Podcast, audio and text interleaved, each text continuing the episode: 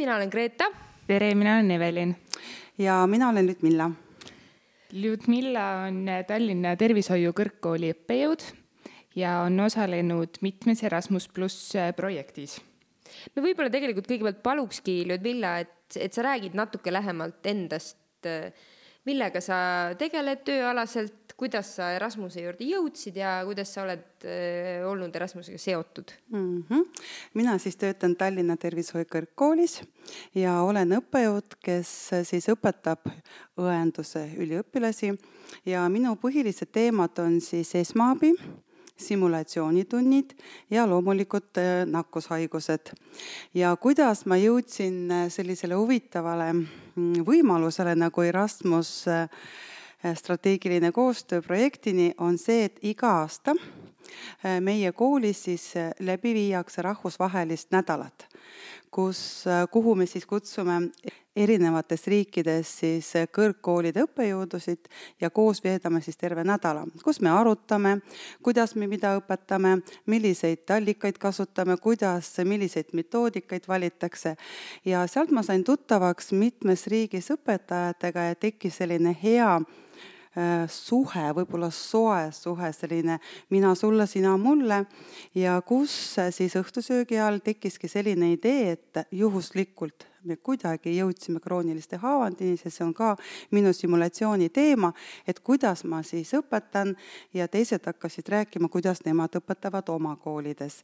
ja selgus, et äh, inimesi oli äh, kuuest riigist ja selgus, et igaüks on tugev mingis ühes alas, mis seotub äh, krooniliste haavanditega ja tekkiski selline idee, et vau, et mina saaks küll teie juures õppida näiteks, kuidas eemaldada nikrootilist kude ja teie saaksite minu käest õppida, et kuidas siis valida seda näiteks õiget plaastrit kroonilise haavandile või kuidas seda hooldada ja kuidas seda nagu väga spetsiifiliseks läheb, ma saan aru, aga tegelikult nagu selgus, et igaüks on mõnes valdkonnas tugev ja teised võtsid kohe ka hoogu, jah, miks mitte, teeme midagi huvitavat. ja hakkasimegi oma väikse grupiga tööle, meid oli siis neli riiki, Ungari, Türgi, Soome ja Eesti. ja ühel hetkel tuleb meie äh, osakonna juhataja ja pakub, et on võimalus kandideerida sellises huvitavas projektis lugesin, hästi pikk oli see dokument, lugesin mitu päeva, et ikkagi täpselt aru saada, mis asi see on. ja siin ma olen. kirjutasin ka partneritele, mis te arvate, et selline võimalus loomulikult. sealt tuli kohe vastus, teeme. ja kirjutasime, esitasime taotluse ja saime ka positiivse vastuse, see oli meil väga suur õnn ja, ja selline vau-efekt, et saime aga räägime sellest projektist, tegelikult on ju mitu projekti, milles sa oled osalenud. Et eh, mis projektid need siis on? Eh, tegelikult sellises Erasmus projektis olen osalenud praegu see projekt, mis ma ise olen, kus ma ise olen vedaja. Ja siis on olemas ähm, ma mõtlen, kuidas ma seda sõnastan, see on hästi raske, raske teema minu jaoks, aga see on siis ähm, simulatsiooni äh, õppe arendamine kus me arendame suhtlemismudelit, kus osalevad erinevad mm, õppetoolid ühes, ühe kooli raames. et me arendame mudelit, kus osalevad erinevad siis õppetoolid nii oleks nagu võib-olla õigemini ütelda, jah. ja see on siis Ungari ja Hispaania koostööprojekt. aga see on selline värskem koostööprojekt? see on värskem koostööprojekt, jah aga võib-olla me siis esialgu keskendumegi sellele esimesele projektile. kas sa mäletad, kuidas see protsess kõik algas, et kui oli tulnud ähm, see ettepanek, et võiks kasutada, kuidas see kõik edasi läks ja kuidas see välja nägi, see protsess? Äh, esimene asi oligi see, et väljakutse, kuidas inglise keeles nüüd väljendada, et me peaks tööle asuma. kõik oli kena ja armas, kui me kohtusime, koos aega veetsime, unistasime võib-olla, aga nüüd on siis projekt käes, kus on eesmärgid, ülesanded ja päris sellised tõsised äh, väljakutsed. ja tegelikult äh, esimestele kirjadele vastusid tulid, vastused tulid väga kiiresti, et ühe kuu jooksul me saime päris hästi ära jagatud rollid, ülesanded, kõik nõustusid, kes ei nõustunud, vaatasime, muutsime, et see oli selline nagu tihe suhtlus kirja teel, et see oli väga hea kogemus edasi oli siis juba planeerimine, et võiksime kohtuda ja juba nagu tõesti koha peal arutada ja projektiga edasi minna. ja oligi kohe, et kahe kuu pärast esimene kohtumine, mis oli Türgis ja mm, see oli nii soe ja armas kohtumine, et see andis sellise hea motivatsiooni, et ja hea sellise kinnituse, et teed õiget asja, kuna kohtusid inimestega, kes kellel silm särab ja kes tahavad seda teemat arendada, kuhu tulid ka õppe, õpilased, kes ka hakkasid meie diskussioonis ja arutelus osalema, siis kui nad võisid seda teha. ja, ja me saime päris huvitavaid ideid sealt noorte inimeste käest, et see oli nagu selline hästi põnev.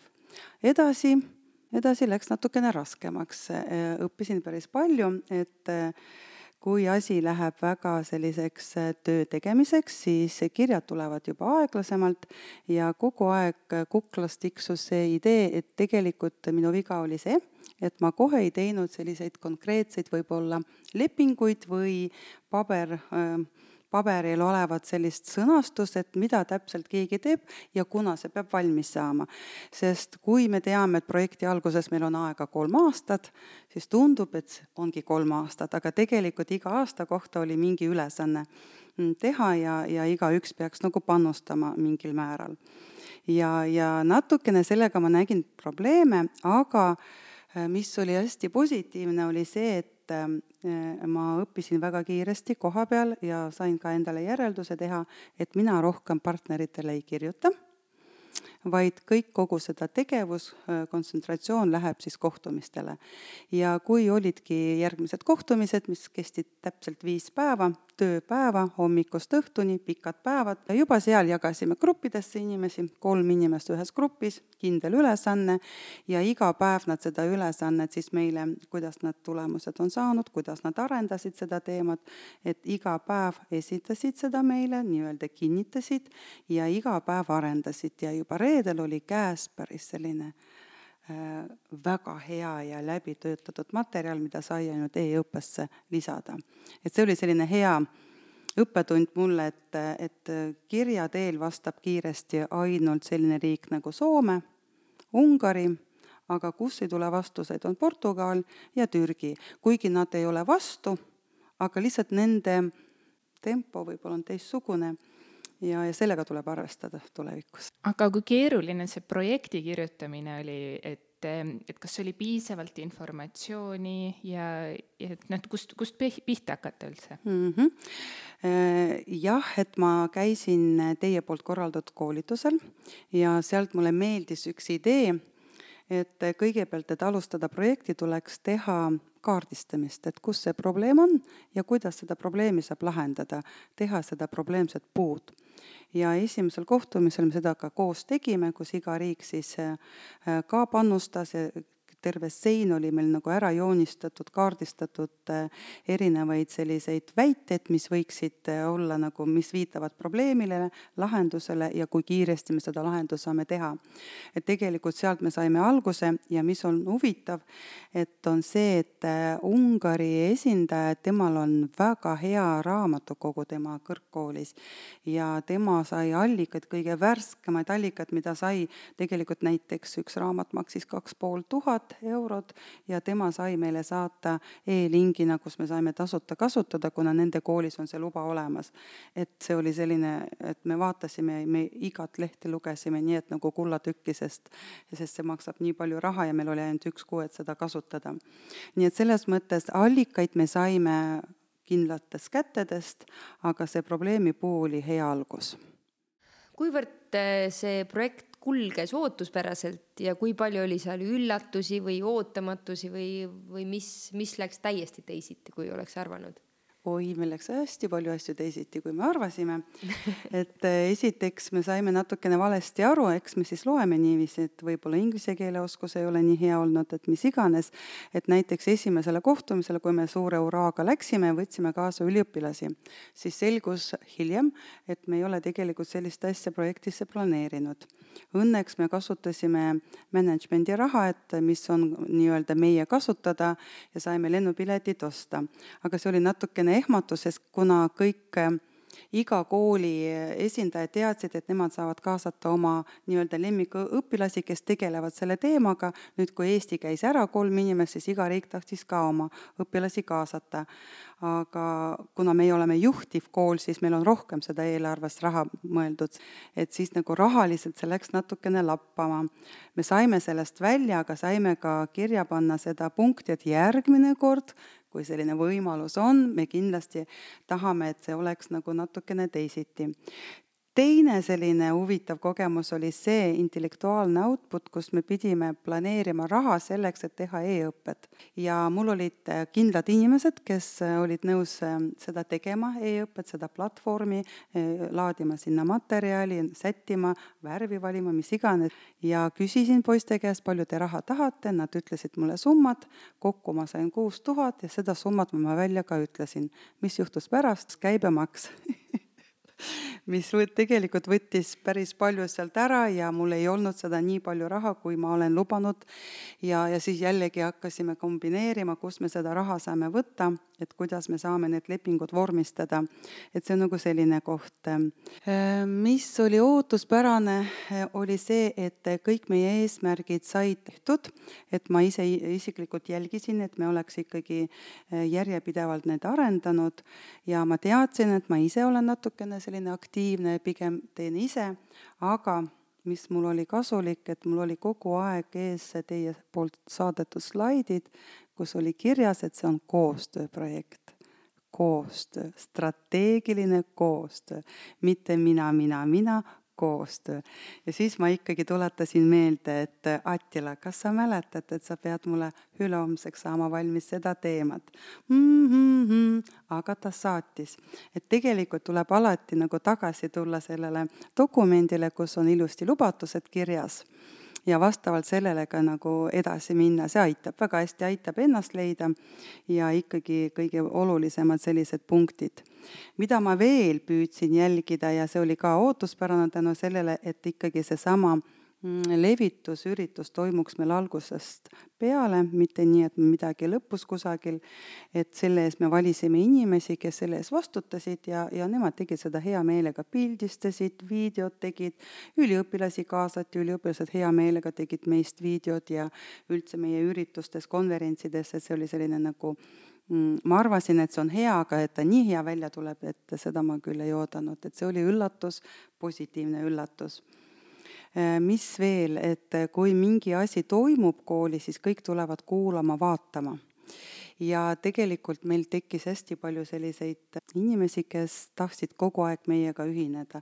kui jälle tuli üks simulatsiooni selline rahvusvahelise nädala jooksul simulatsioonipäev, siis meil oli saal nii täis, et me ei mahtunud sinna. et kõik tahtsid vaadata, et mida me jälle uut pakume, mida me jälle uut teeme koos teiste partneritega.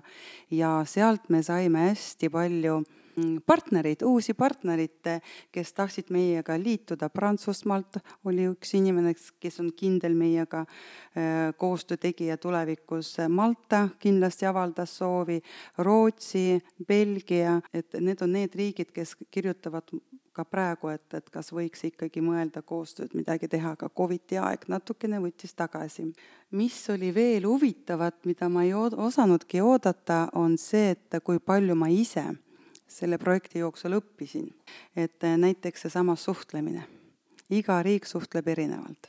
kuidas koolis on suhtlus äh, üldse tase, et kuidas õpilased õpetajatega suhtlevad, kuidas ülemused äh, külalistesse suhtuvad ja suhtlevad ja teretavad ja ja kuidas kõik see laua katmine on ja vastuvõtmine, need olid hästi erinevad ja seda oli väga hea kõrvalt vaadata ja, ja kogeda et see oli huvitav. Äh, kas sa oskaksid välja tuua ka midagi, et üks asi, millest me juba saime aru, mis oli väga erinev nende partnerite puhul, oli, oli see nii-öelda meili teele vastamise kiirus. kas mingi, mingid asjad olid veel, mis olid nagu partnerite võrdluses väga erinevad, mida näiteks soomlased tegid täiesti teistmoodi kui portugallased? Äh, soomlaste puhul tooksin kohe ette seda, et nad on väga nii-öelda rangete kuupäevades on väga kinni, näiteks kui on öeldud, et kakskümmend september, olgu see dokument olemas, ükskõik kui nõrk või tugev see dokument on seal valminud, see tuleb ja me arutame ja teeme. türklaste puhul võtab hästi palju äh, aega, aga nende poolt tuleb hästi põhjalik ja selline mm, hästi palju allikatega kasutatud äh, materjal. mis on huvitav, on, kui võrrelda nüüd riigid, siis äh, muidugi see on kindlasti inimestest kinni, ei saa nagu üldistada kõikide kohta, aga näiteks äh, ungarlane ütles mulle, ah, saame küll, teeme, aga mida me siis teeme, teeme, kuidas välja tuleb, paindlikult. siis Portugal, tem-, nad olid kõik PhD-ga, et, et kui nemad välja midagi andsid, siis ikkagi see oli nii põhjalikult tehtud, kus on nii pildid kui ka kõik need äh, laused välja valitud, välja, nad on kõik nagu läbi töötanud, et ühtegi sellist ehku peal lauset neil ei ole. et on näha, et selle ühe lause kallal on ikkagi tööd tehtud et, et selline nagu erinevus küll nende riikide suhtes oli. ja muidugi, kui me olime külas, siis Portugalis oli, torkas silma ka see, et näiteks kui tund hakkas kell kaksteist null null, siis see oli täitsa tavaline, ta hakkas natuke hiljem, aga kui ta hakkas, siis oli hästi selline range distsipliin, et simulatsiooni ajal keegi ei tohtinud rääkida keegi ei tohtinud midagi küsida, isegi kui küsimusi tekkis. me, me olime eraldi ruumis, aga me ei tohtinud segada õppetööd.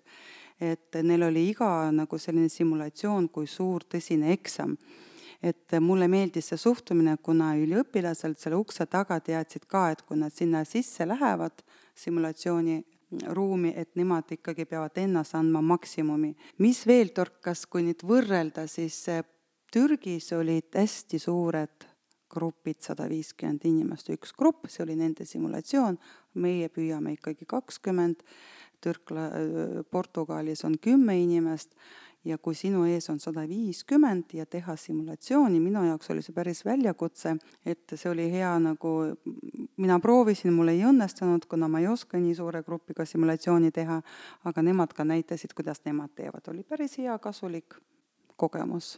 võib-olla võiks minna korraks selle projekti sisu juurde, et kui proovida nüüd äh, inimesele tänavalt, kes ei ole tervishoiu nii-öelda professionaalse poolega üldse kursis, seletada, et mis oli tegelikult selle projekti eesmärk ja kuidas äh, selle saavutamine siis läks? eesmärk oli siis koostada kaasaegne, äh, viimaste tulemustel põhinev e-materjal ja koostada Äh, viis simulatsiooni ülesandeid, mis puudutab siis, mis kinnitavad teooriat ehk e-õpe, mis on teooria ja simulatsioon, mis kinnitab teooriat. aga teemaks on krooniline haavand, kuidas seda siis hinnata, ära hoida, ravida. ja kuidas nende tulemustega oli, kuidas te hindate seda projekti lõpptulemust?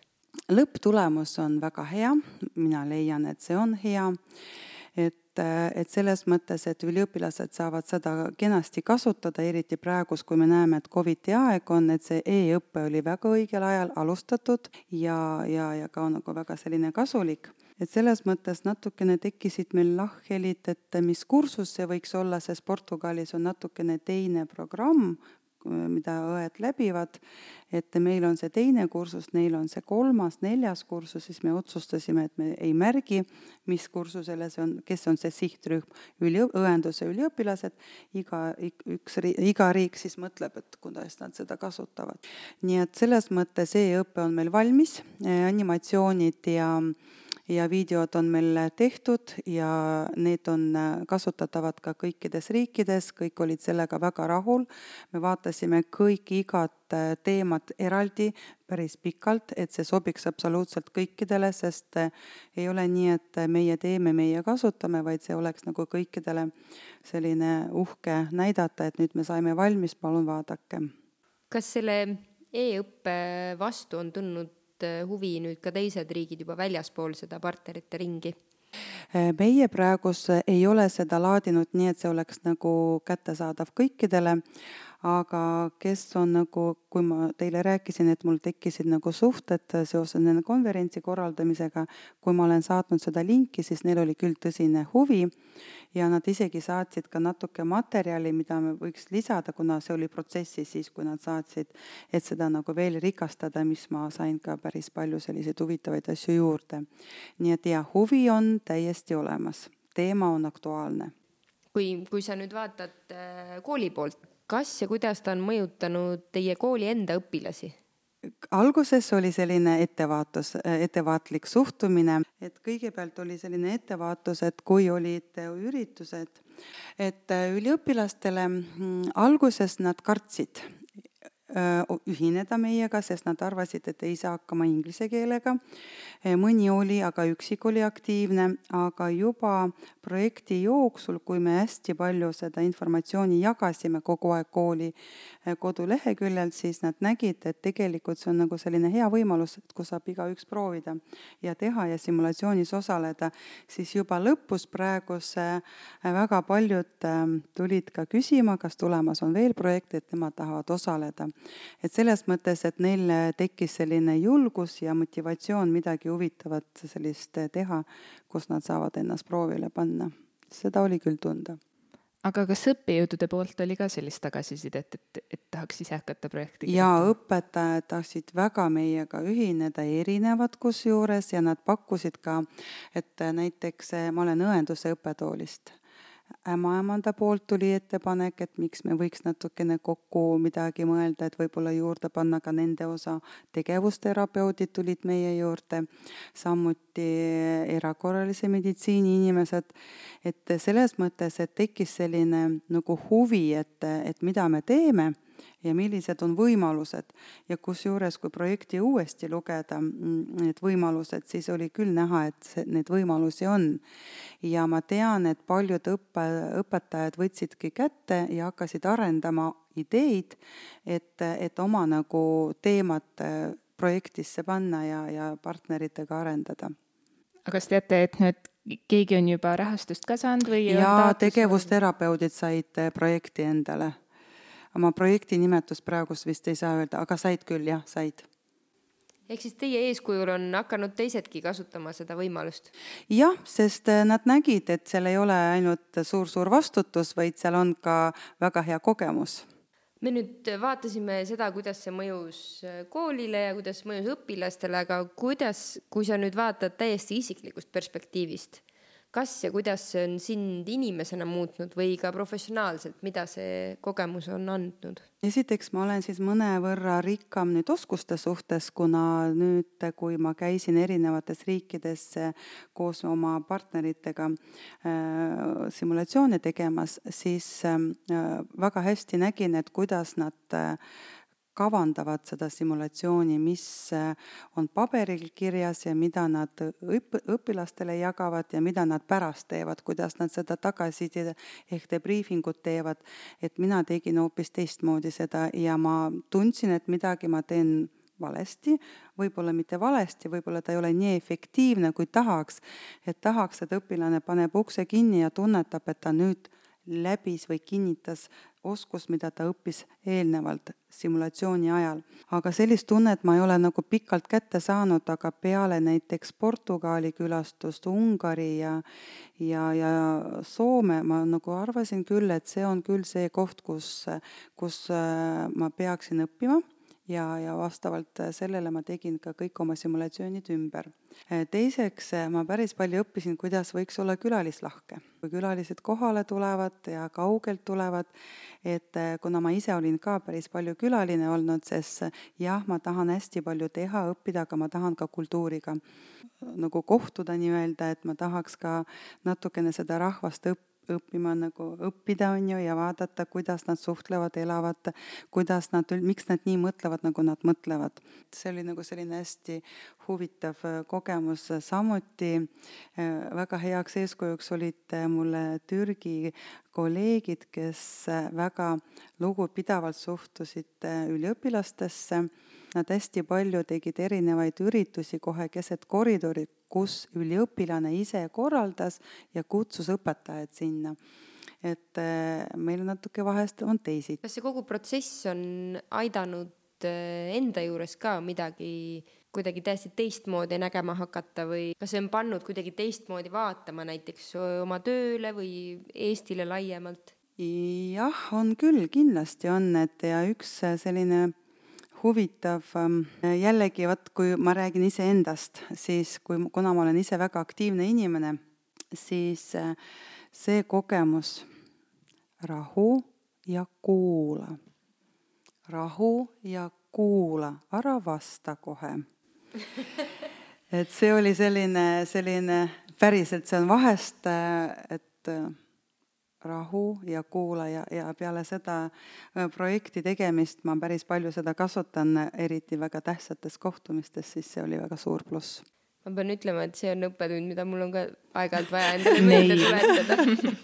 ära hakka kohe rääkima. ja, ja ära tõmba kohe enda peale tekki, kuula ja rahu, jah. see on väga tähtis ja ära hakka kohe rääkima, et aga see tuleb, see tuleb siis, kui sa näed kõrvalt, kuidas see paistab, kuidas see välja kukub ja mis see taga, tagajärjed on aga milliseid selliseid vabamas õhkkonnas üritusi toimus, kas üldse toimus?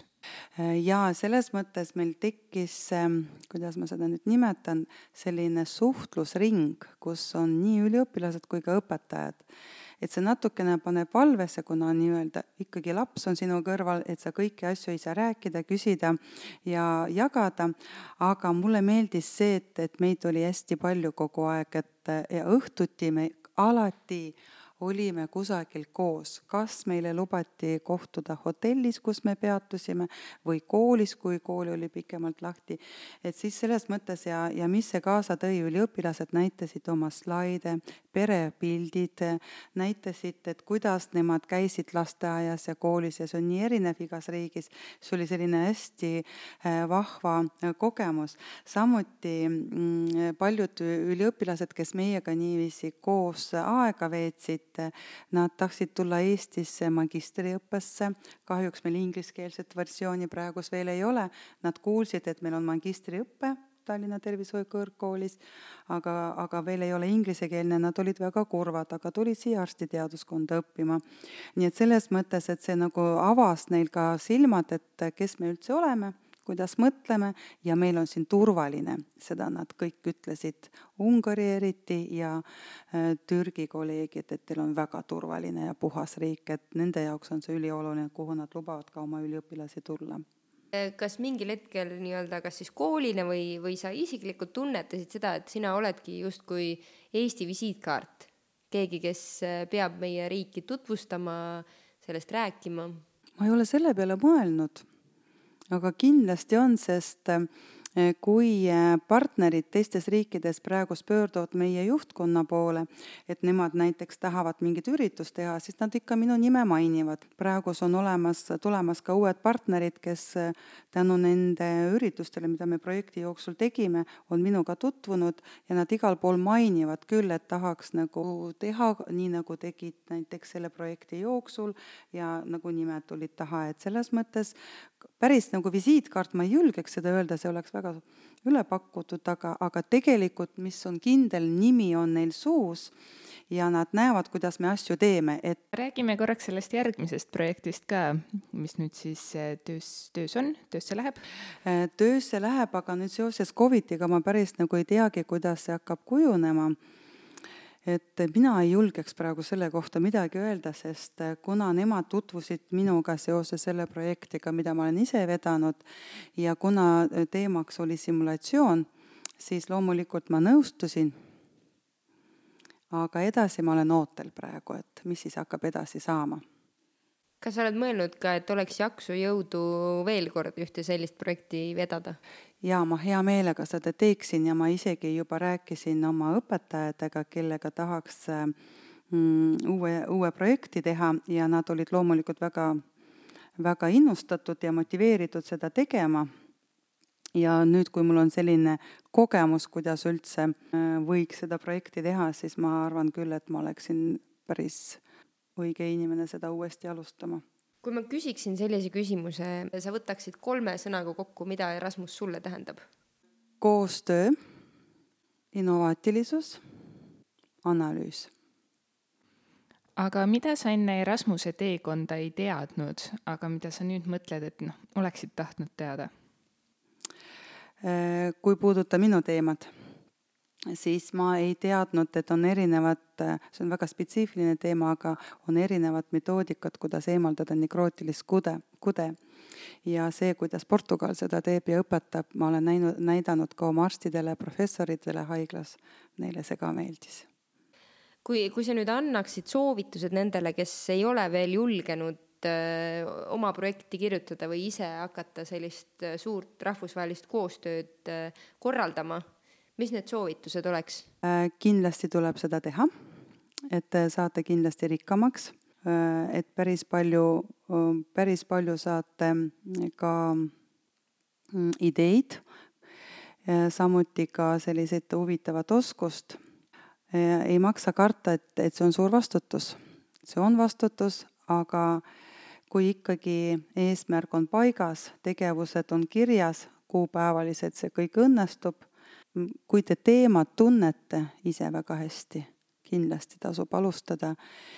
partneritega siis on nii, et erinevad riikides on erinevad sellised vaaded maailmale, et sellega tuleb arvestada, aga kui minu kogemus, et kõige efektiivsem on siiski näost näkku kohtumine nädala jooksul, mitte vähem. see on, see on tõesti viis tööpäeva, siis, siis on see kindel, et nende päevade jooksul toimub kogu tegevus, edasi juba ise analüüsid, lihvid ja sisestad e-õppe näiteks platvormile, et siis ehk see näitab, et see ikkagi toimib kõik, et kindlasti teha mul on tunne, et me oleme küsimustega lõpuni jõudnud. kas on midagi, mida me oleme küsimata jätnud, mida sa tahaksid öelda või, või mis sinu jaoks selles kogemuses oli oluline? Mina tahan öelda, et see on äh, hea võimalus selleks midagi teha koostöös partneritega erinevates riikides. vahepeal on see tunne, et nii lootusetu, kui keegi ei vasta sinu kirjadele, aga see kiiresti möödub ja siis jälle tunne, et issand, kui hea, et ma seda ikkagi teen nii et selles mõttes tahan teid tänada, et selline võimalus oli. minul inglise keel läks paremaks ja, ja praegust on nii hea ja uhke tunne, et saime ka sellise eh, projekti tehtud tegelikult ja, ja nüüd juba analüüsime, et kuidas tulemused on. suurepärane. aitäh sullegi. aitäh.